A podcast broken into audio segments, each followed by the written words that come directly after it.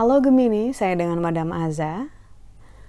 Kita bacakan sekarang kartu tarotnya untuk Gemini. Yang pertama adalah karirnya. Karir Gemini.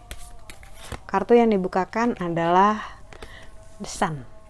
Kartu The Sun menunjukkan kucing gumash yang sedang berjemur di siang yang tidak terik matahari hangat, bunga matahari, ini menunjukkan adanya kebahagiaan, keindahan, hal-hal yang harmoni, menyenangkan.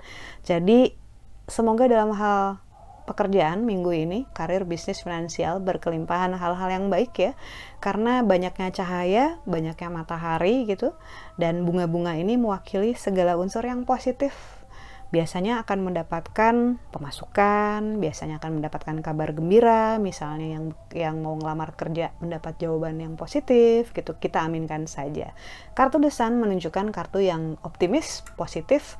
Uh, kartu yang paling bagus di seluruh jajaran kartu tarot arkar major arcana ataupun kartu tarot besar ya.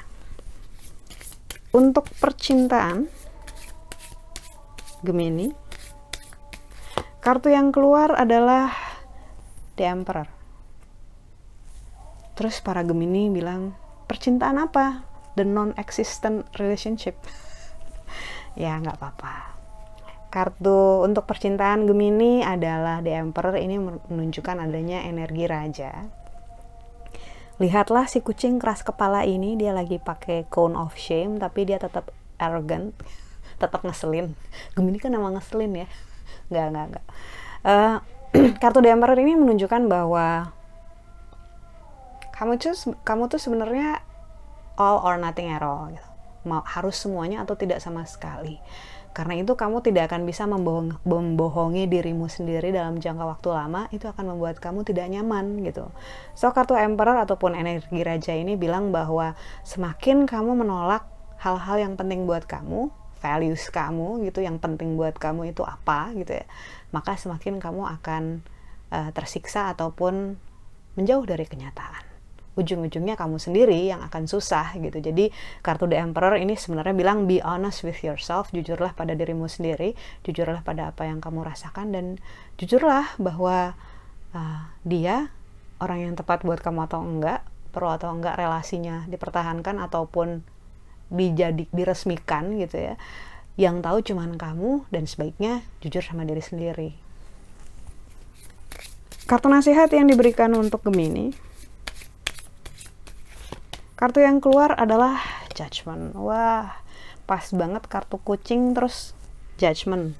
Kucing itu paling enak banget kalau ngejudge orang lain. Kartu nasihat judgment yang diberikan untukmu ini menunjukkan adanya uh, perlu mempertimbangkan banyak hal sebelum akhirnya memutuskan uh, suatu hal yang besar.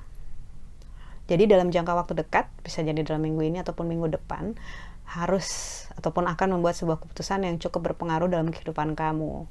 Ada yang tentang traveling untuk pekerjaan gitu ya, ataupun berpindah tempat, ada yang untuk berpindah uh, rasa, ada yang untuk uh, pekerjaan gitu ya.